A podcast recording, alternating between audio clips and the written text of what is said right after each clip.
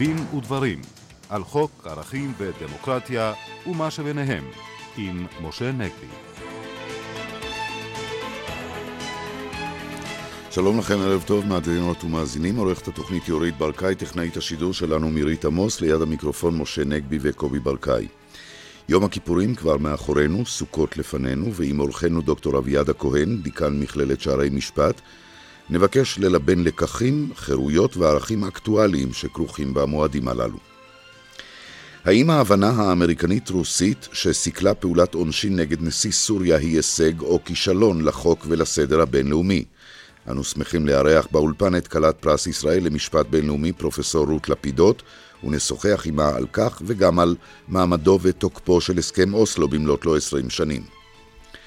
האם בית דין רבני פרטי יכול להתיר קשר נישואין ובכך לשחרר עגונה מכבליה, גם ללא אישור בית הדין הרבני של המדינה?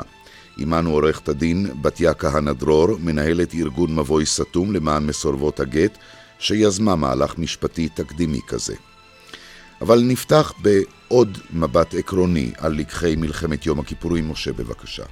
כן, עסקנו בזה אמנם uh, בתוכניות הקודמות, אבל uh, אי אפשר שלא לומר עוד מילה uh, ביום שבו מתקיימים, מתקיימות האזכרות uh, לחללי מלחמת יום הכיפורים, ואולי אני אפתח בזה שאני אזכיר, קובי, שגם אחד מאיתנו, אחד העיתונאים בכל ישראל, נהרג במהלך שליחותו העיתונאית במלחמת יום הכיפורים.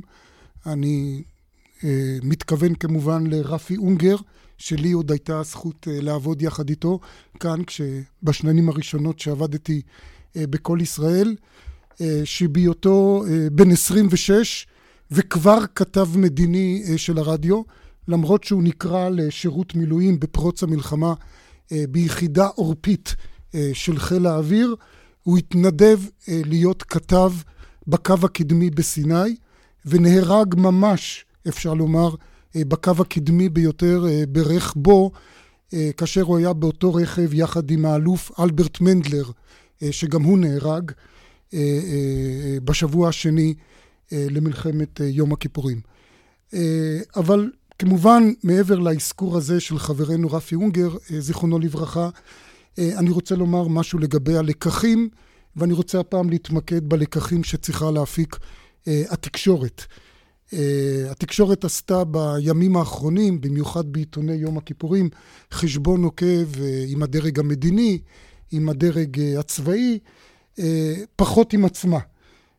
וצריך לומר שדווקא אחרי המלחמה, מיד אחרי המלחמה, התקשורת באופן לא טיפוסי הכתה גם על החזה של עצמה, ואמרה חטאתי, אשמתי, למעשה ספר שלם, ספר השנה של העיתונאים שיצא לאחר המלחמה בעריכתו של לימים השופט אה, גבריאל שטרסמן, אז עיתונאי אה, במעריב, הוקדש כולו להכאה על חטא הזאת.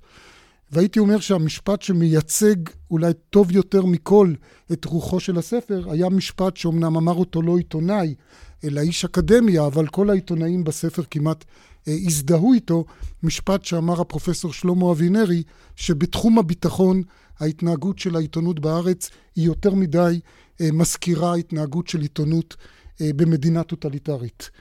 האם הופקו הלקחים? אני חושב שפה בהחלט אפשר לדבר שהרקורד של העיתונות מאז מלחמת יום הכיפורים, אם אנחנו מסתכלים 40 שנה אה, אחורה, ומה קרה באותן 40 שנה שחלפו, הרקורד הוא בהחלט רקורד מעורב. מצד אחד, יש תופעה אחת שהעיתונות בהחלט הפיקה בלקח, אם, לפני, אם עד מלחמת יום הכיפורים העיתונות uh, קיבלה בהכנעה את תכתיבי הצנזורה הצבאית בלי לערער עליהם, היא בעצם אפילו ויתרה על uh, עתירות לבג"ץ נגד החלטות של הצנזורה, ולא זו בלבד, אלא גם הייתה מוכנה לצנזר את עצמה. הרי הרי אה, אה, היום אנחנו יודעים שהמצב הוא שונה לחלוטין, יש גם עתירות לבג"ץ, יש גם מאבקים, אנחנו זוכרים את המאבק בפרשת אה, קו 300, אנחנו יודעים שהעיתונות גם היום נאבקת לא פעם אה, בצווי איסור פרסום ביטחוניים אה, שנראים לה שרירותיים.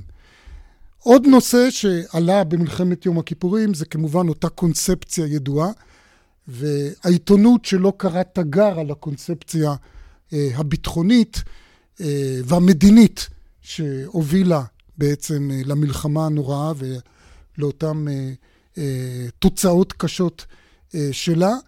ובכן, גם פה אני חושב שאפשר לומר שהעיתונות, לפחות באופן חלקי, הפיקה את הלקח. ראינו את זה רק לפני כשנה, קצת יותר, כאשר העיתונות בשום פנים ואופן לא הייתה מוכנה לקבל את הקונספציה השלטונית שצריך לנקוט פעולה צבאית, בוודאי פעולה צבאית עצמאית של ישראל נגד הגרעין האיראני. אנחנו זוכרים שבעיתונות היו ערעורים מאוד חריפים על התפיסה הזאת, ואני מעז לשער שאולי לעמדה שנקטה התקשורת היה אולי חלק בכך שאולי אה, הוחלט אה, שלא ללכת אה, ב, ב, בדרך הזאת. יש אבל תחום אחד שלצערי הרב אני חושב שבו הלקח לא הופק, וזה הרתיעה עדיין של העיתונות מלמתוח אה, ביקורת חריפה על תופעות של סיאוב ועל מחדלים אה, בתוך הצבא ושל אנשי צבא אה, בכירים.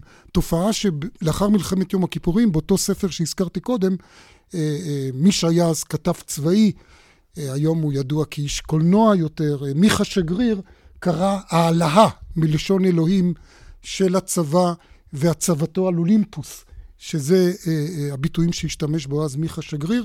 לדעתי הדבר הזה קיים עדיין, גם לגבי הצבא וגנרלים בכלל, אה, וגם אה, לגבי גופים ביטחוניים אחרים. אני רוצה להביא שתי דוגמאות בקיצור, אה, שכולנו מכירים. אחד, שמענו עדות של הפרשן הצבאי הבכיר אלכס פישמן על כך שכתבים שידעו על, אותה, על אותם תדריכים שנעשים בצה"ל נגד שר הביטחון, העדיפו שלא להוקיע את התופעה הזאת.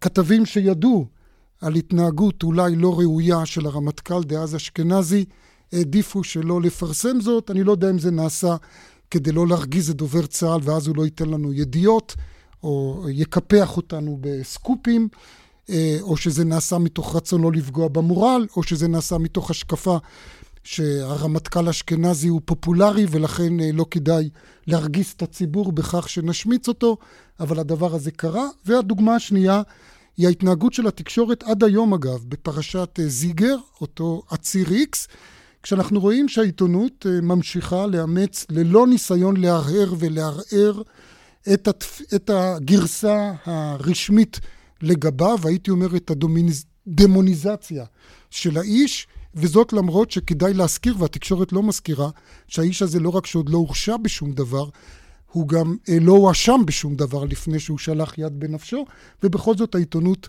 אה, מפרסמת ללא ביקורת אמיתית אה, כל מה שנאמר עליו. פה אני חושב שהלקח לא נלמד, וזה לדעתי צריך להדאיג אותנו. אמרתי, פרופסור אביעד הכהן, יום הכיפורים מאחורינו, אני אמרתי משהו על יום הכיפורים, אם יש לך מה להוסיף אני אשמח, אבל אני גם ארצה שתאמר משהו לגבי סוכות, אבל אולי אני רק אוסיף אה, קיבלתי פה הודעה מחברתנו ליאורה גושן שהזכירה לי שבמלחמת יום הכיפורים נפל גם עוד עובד שהיה של כל ישראל, עורך חדשות, אבי שמואלי, אמנם לא במסגרת uh, עבודתו העיתונאית, אבל אם הזכרנו את רפי אונגר נזכיר גם אותו. בבקשה, פרופסור אביעד הכהן. הסיפור, יום הכיפורים בעצם אולי בהמשך לדברים שאמרת משה הוא יום בעצם של חשבון נפש ואולי אחד הדברים החשובים ביותר גם לאחר מעשה שאנחנו יכולים ללמוד כולנו מיום הכיפורים זה קודם כל ההכרה בזה שחטאנו בזה שפשענו. וזה כמובן מסר שאפשר לקחת אותו להרבה מאוד דברים בחברה שלנו לתופעות של שחיתות ותופעות אחרות כלומר גם אם היה קשר שתיקה דבר ראשון להודות בדברים כי אנחנו יודעים גם היום אחרי 40 שנה אם הזכרת את כל הכתבות שהיו בסוף השבוע האחרון יש עדיין חלק מהאנשים שלא מוכנים להודות בכך שהם טעו הדבר השני, זה כמובן לא פחות חשוב, זה גם אה, לידע את הציבור, וזה דבר מאוד מפתיע, זאת אומרת, הווידוי, כל המשמעות של הווידוי ביום הכיפורים הוא שאתה בא ואתה גם אומר את זה בפה ואתה מיידע גם את האחרים, אנחנו אומרים את הווידוי בקול, כל הקהל, והדבר הלא פחות חשוב, הוא כמובן רלוונטי גם למערכת המשפט, אבל לכל המערכות, לכל המערכות האלה של השומרים, זה הקבלה לעתיד. זאת אומרת שאנחנו נצטרך לא רק ללמוד את הלקחים במשמעות ההיסטורית שלהם, אלא גם כלקח לעתיד. אם נעבור מהלקחים של יום הכיפורים ליום הסוכות, בחג הסוכות, בחג חג הסוכות הוא חג שהוא מאוד שמח, חג האסיף, שבו אתה אוסף את התבואה, ודווקא אז אומרת לנו תורת ישראל, תצא מהבית שלך ותשב בסוכה. תרד מהמגדלים הגבוהים, ממגדלי הצמרת, תצא מהווילה שלך, ותזכור שיש אנשים שכל השנה יושבים בסוכות כאלה, וכל האזרח בישראל, אחד הפסוקים המדהימים בהקשר הזה, זה כל האזרח בישראל ישבו בסוכות. הפיתוי האזרח, שהיום הוא כל כך נפוץ, זכויות האזרח, בתורה הוא לא כל כך נפוץ, האזרח זה בעצם שם כולל למשפחה גדולה. אתה צריך להכניס לסוכה שלך לא רק את בני המשפחה שלך, אלא את הגר, כולם, כל ישראל, ככה כתוב בחז"ל, ראויים לשבת בסוכה אחת, כלומר העניין הזה של השוויון, העניין הזה שאין הדרה. אפילו בארבעת המינים אם תרצה, גם הערבה שאין לה טעם ואין להם ריח, היא יחד עם המינים האחרים. כלומר, אתה מכיל את כולם, אתה צריך להזמין את כולם לסוכה שלך, ואולי הדבר היפה ביותר, דברים שכותב הרמב"ם ובהם אני אחתום, הרמב"ם אומר שמי שיושב ואוכל בחג ושמח את שמחת החג ושמחת בחגיך, אבל הוא לא מזמין את העניים והגרים והיתומים והאלמנות, ונדבר עוד מעט אולי על העגונות ואת כל המשפחה הגדולה הזאת של האחרים בתוכנו, אז הוא אומר זה לא שמחת החג, זו שמחת קריסו. כדי שתהיה שמחת חג אמיתית, אתה צריך להכיל את כולם ולהזמין את כולם לסוכה שלך. אנחנו מדברים על אושפיזין בסוכה, ואת אה, עורכת הדין בתיה כהנא דרור, נזכיר שוב, מארגון מבוי סתום. אומרת שאת רוצה בעיקר להזמין לסוכה אושפיזות, ואושפיזות מסוג מאוד אה, כן. מסוים ומיוחס.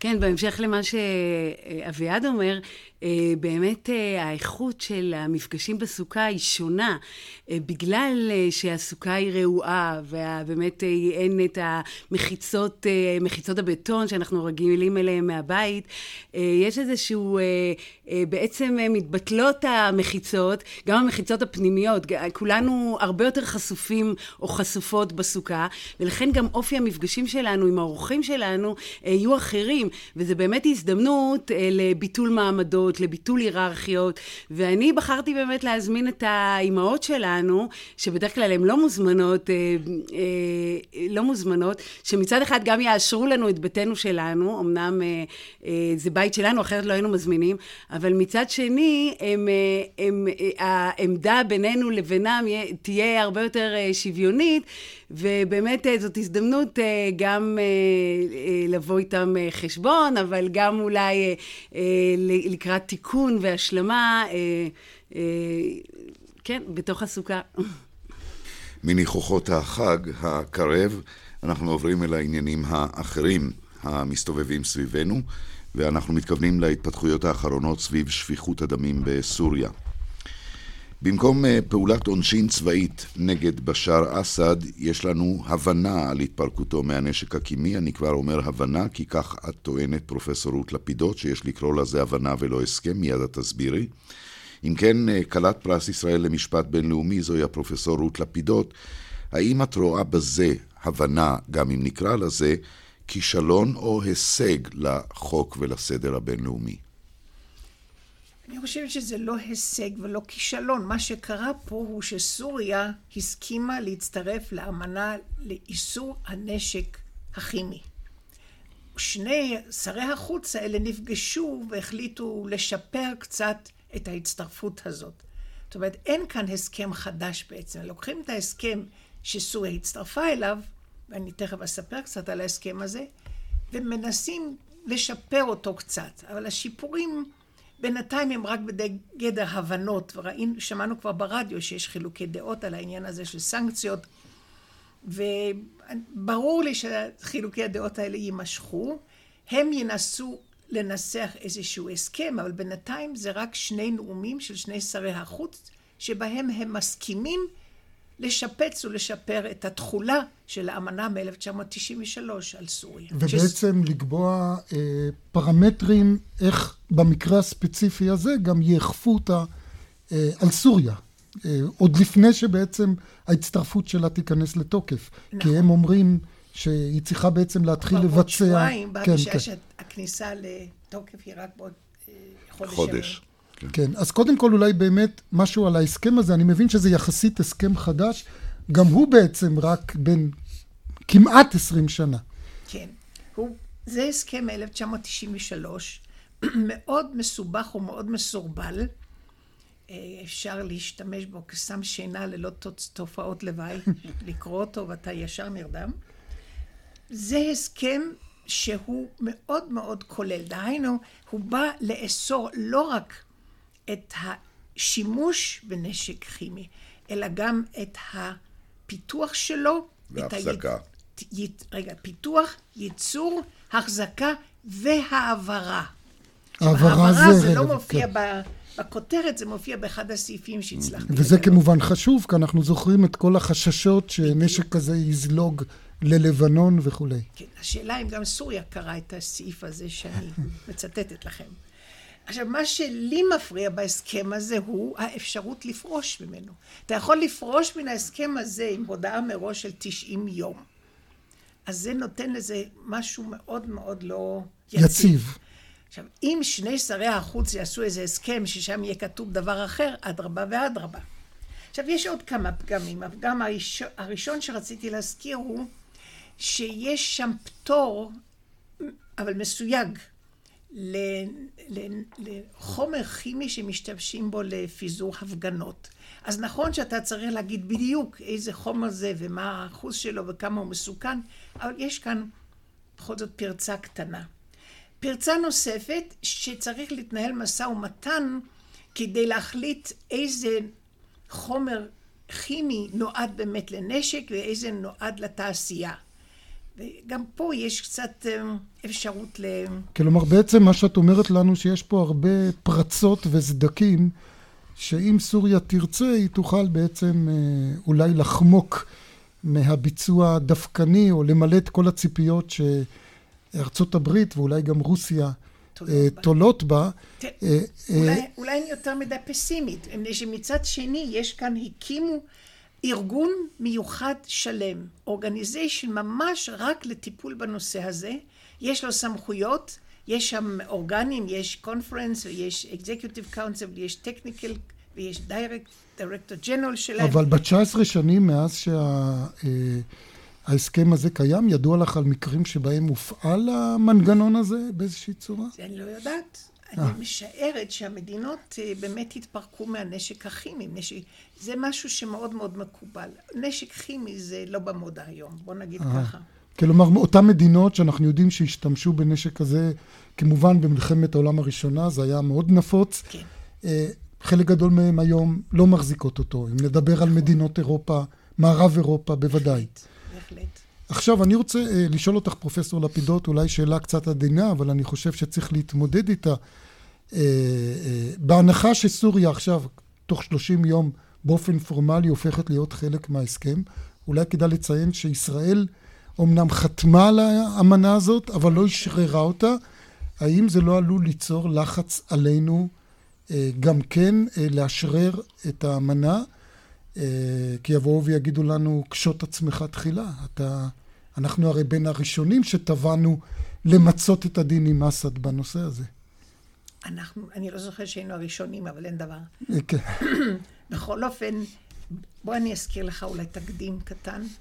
אנחנו גם לא צד לאמנה נגד הפצתו של הנשק הגרעיני. מצרים וגם... מזכירה לנו את זה כל הזמן. כל הזמן. כן. בינתיים אנחנו עוד לא אה, נכנענו. בין היתר, תרשה לי לומר שגם שם יש סעיף שאומר, אתה יכול לפרוש תוך שלושה חודשים. אז לכן קשה מאוד לסמוך על דבר כזה, שמא הצד השני לא... זאת אומרת, הוא יקיים את האמנה, ואחר כך בעוד שלושה חודשים, יאללה, אני בחוץ.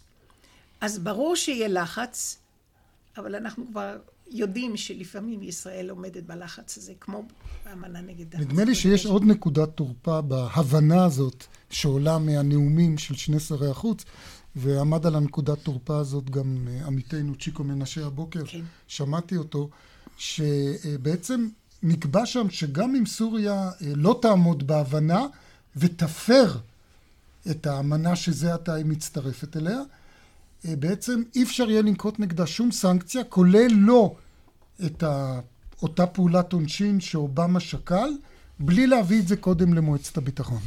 וזה למרות שהאמנה כן אולי מאפשרת את הסנקציה. האמנה יש לה סעיף מיוחד על סנקציות. זה סעיף מאוד מעניין, וששם נאמר שהקונפרנס, זאת אומרת, המועצה, המליאה, המליאה, לא המועצה, כן. למליאה, המליאה, המליאה כן. יכולה להחליט על סנקציות, ובהתחלה אלה יהיו סנקציות רק במסגרת האמנה, זאת אומרת, אתה לא תהנה מטובות הנאה שהאמנה הזאת נותנת לך, ואם בכל זאת הצד ההוא איננו מקיים את מה שהוא צריך לקיים, האספה יכולה להמליץ בפני המדינות החברות על collective measures, כולל צבעים? בית, סליחה, לא כתוב, כן. כתוב collective, וזה בכפוף למשפט הבינלאומי.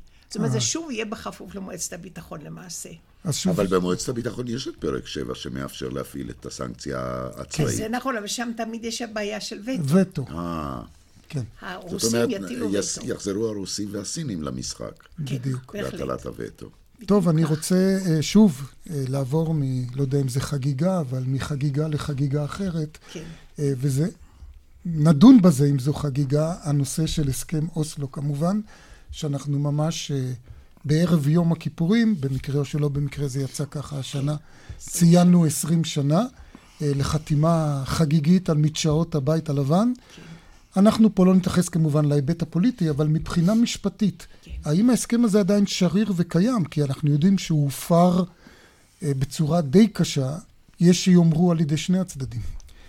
אז קודם כל תרשה לי להעיר זה, למעשה כשמדברים על אוסלו מתכוונים לשני הסכמים. הצהרת הכוונות ב-1993 וההסכם המסובך מ-1995. 300 עמודים, אותיות קטנות. אמ, בעצם אתה שואל שתי שאלות. השאלה הראשונה היא, האם ההסכם הזה הוא עדיין בתוקף, אף על פי שמלכתחילה קיוו שהוא יחול רק במשך חמש שנים, מפני שהוא יוחלף על ידי קבע. הסכם קבע. קבע. אז יש לי קולגים שטוענים שמאחר שהוא לא הוחלף, הוא בטל.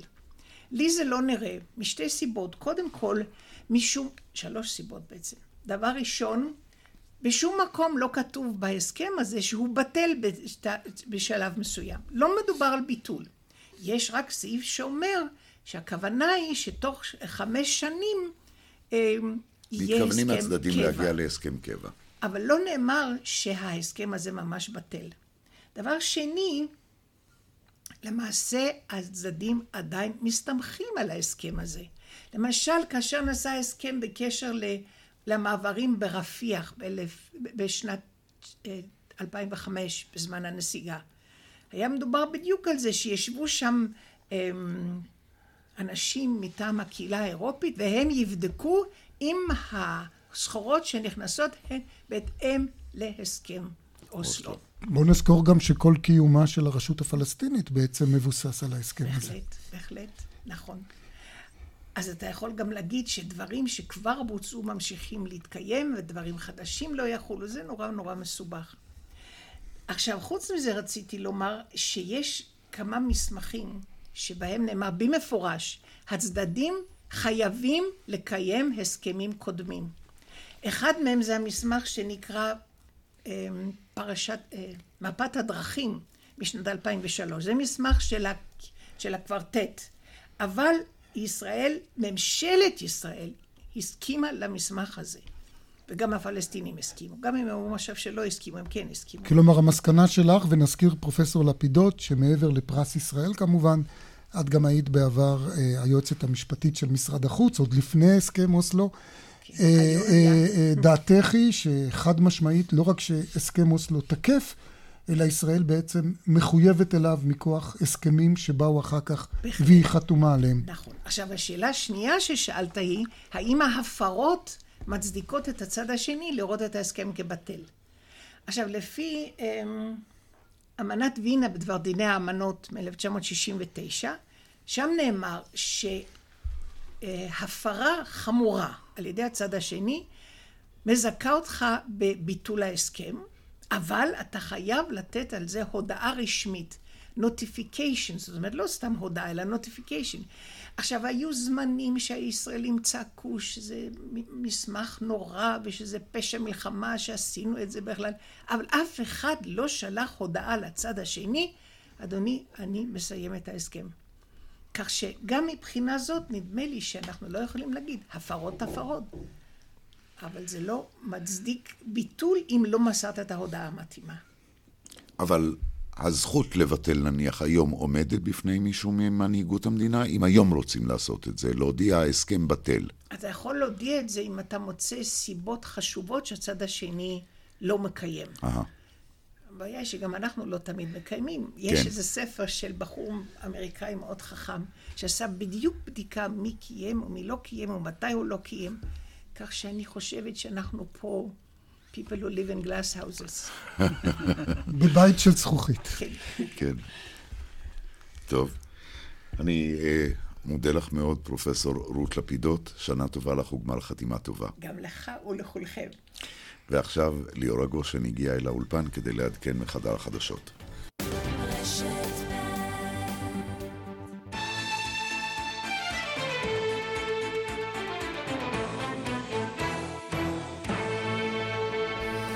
שבנו לדין ודברים, עכשיו 7.37. עורכת הדין בתיה כהנא דרור, מנהלת ארגון מבוי סתום למען מסורבות גט. עורכת הדין כהנא דרור, את נקטת מהלך תקדימי של כינוס בית דין רבני פרטי להתרת נישואין. מה הוביל למעשה הזה, להליך הזה שנקטת? קודם כל, אנחנו כבר הרבה מאוד שנים מחפשים את ההרכב, את ההרכב הנכון ואת הבית דין הפרטי הזה, כי אנחנו באמת מיואשים מהמצב בבתי הדין הרבנים הממלכתיים. אנחנו הרי עורכות דין, בסופו של דבר, שמייצגות נשים מסורבות גט ועגונות, ויותר ויותר נשים קונות את הגט שלהן ונסחטות. ואנחנו יודעות שיש דרך אחרת, ובאמת ההלכה אה, נותנת כר נרחב לפתרונות שלצערנו הרב בבתי הדין הרבנים הממלכתיים לא משתמשים. אה, המקרה היה של באמת אה, אישה עגונה שבעלה אה, ברח יומיים אחרי החתונה עם כל כספי החתונה, ברח לארצות הברית. עם כל המתנות, עם, עם כל המתנות, הצ'קים. כן, כספי המ- ה- כספי הסתבר. שהמעטפות, אה, הם טענו לפחות, הוא ואימו טענו שהמעטפות היו ריקות, אה, יומיים אחרי החתונה הוא נעלם, ביררו, מסתבר שהוא אה, בארצות הברית והוא מסרב לתת גט, אלא אם כן האישה תכסה את כל חובותיו לבעל האולם. שהוא התחייב, הוא רצה חתונה גדולה, הוא התחייב אה, סכום גדול מאוד לבעל האולם.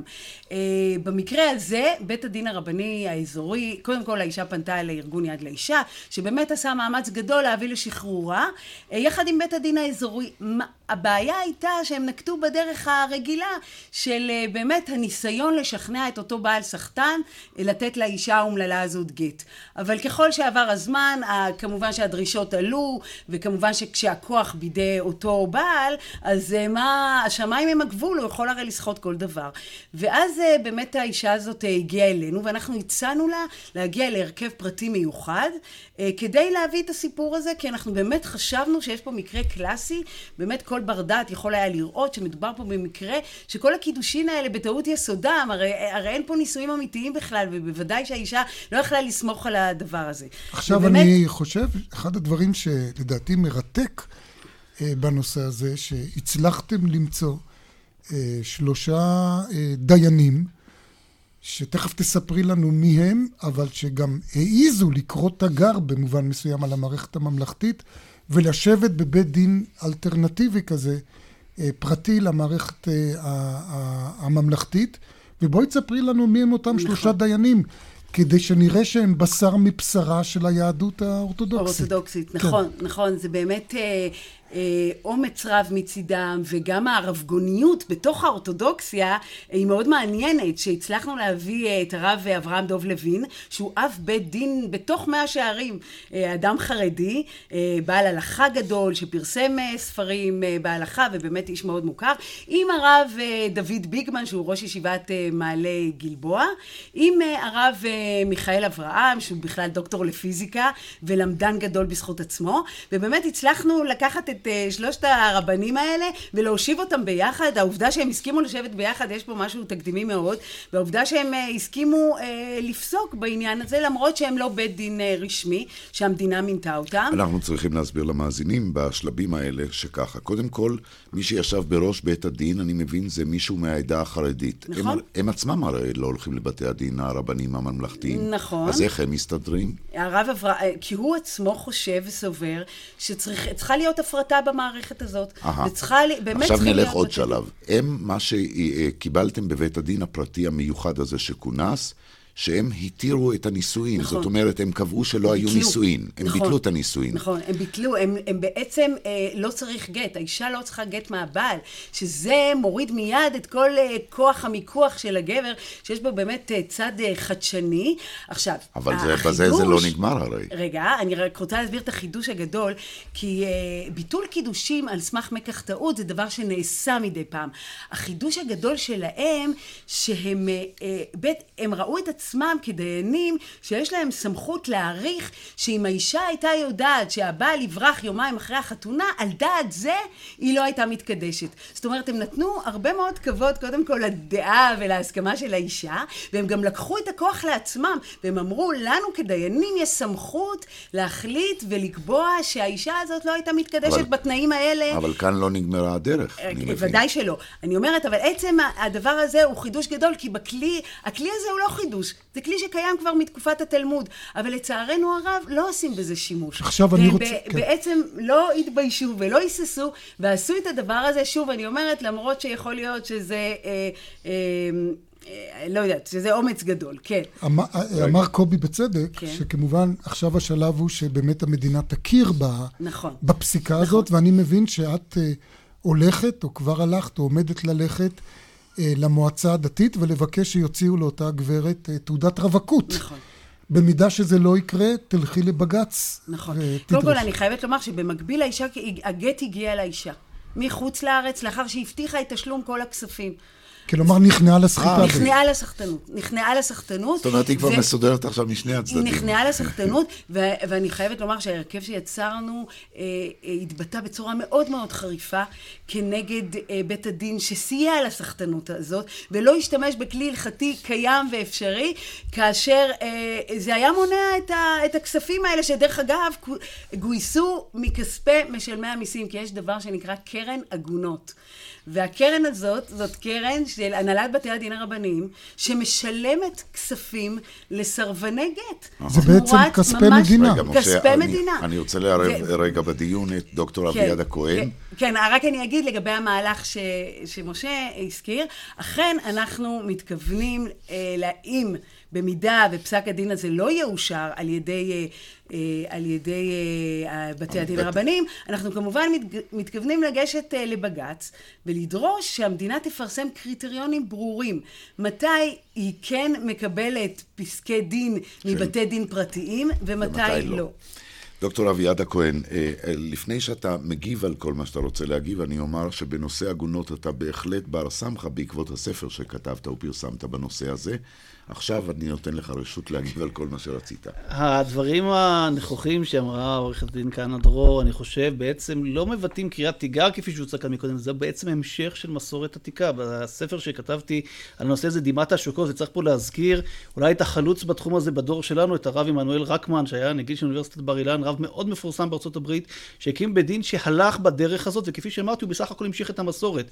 לא רק שזאת רשות לעשות את זה, אלא זו חובה בעצם של אותם רבנים. כל מי שתורת ישראל יקרה בעיניו, זאת חובה להתיר עגונות. אנחנו יודעים שחכמי ישראל במשך דורות יש, לא ישנו לילות וימים.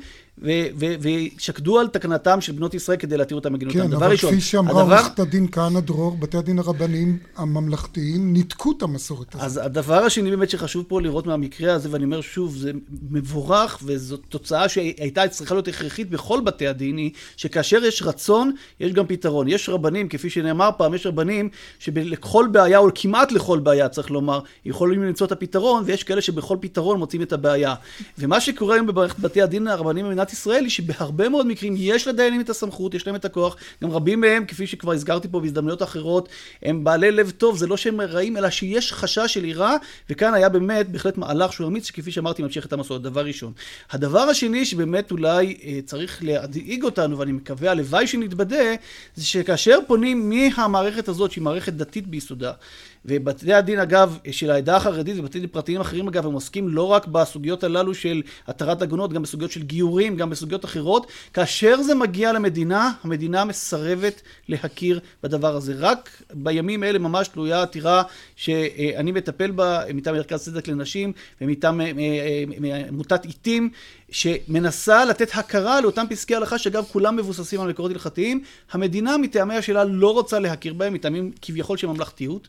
הבעיה בזה היא שמצד אחד היא לא מכירה בהם אבל היא גם לא מוצאת פתרונות אחרים ואז האנשים האלה ואנחנו מדברים בשורה שלמה של אנשים החל מגרים והמשך בעגונות ומסורבות גט. הקרן העגונות שהוזכרה פה למשל אנחנו עתרנו בשם מרכז צדק לנשים לפני כמה שנים ישבה נשיאת בית המשפט העליון דורית בייניש ואמרה נכון זה דבר לא טוב וקבעו כללים אבל בסופו של דבר השאירו קרן שבעצם מעודדת סרבני גט. התופעה הזאת היא תופעה שאפשר לראות אותה אה, גם בסוגיות אחרות, אני אומר את זה בצער רב.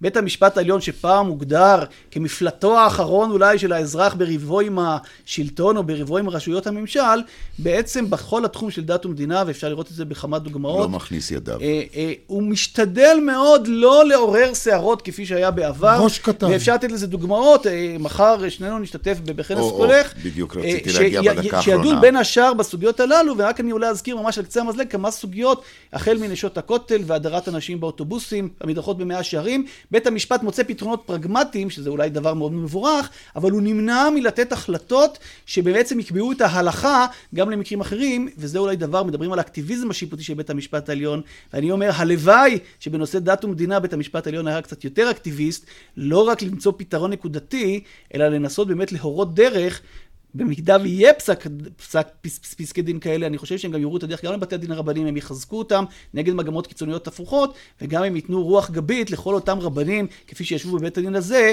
שמחפשים את צד ההיתר בהלכה, ולא את צד החומרה בהלכה. עורכת הדין כהנא דרור, דווקא לאור הדברים הנכוחים כמובן של הדוקטור אביעד הכהן ששמענו כרגע, אה, בין המילים אני בעצם מרגיש שהוא אמנם מקווה מאוד, והלוואי והוא יתבדה, אבל אה, הוא די סקפטי האם בית המשפט, גם במקרה הזה שלך, יתערב ויעשה את אותה מהפכה שאת מנסה לחולל.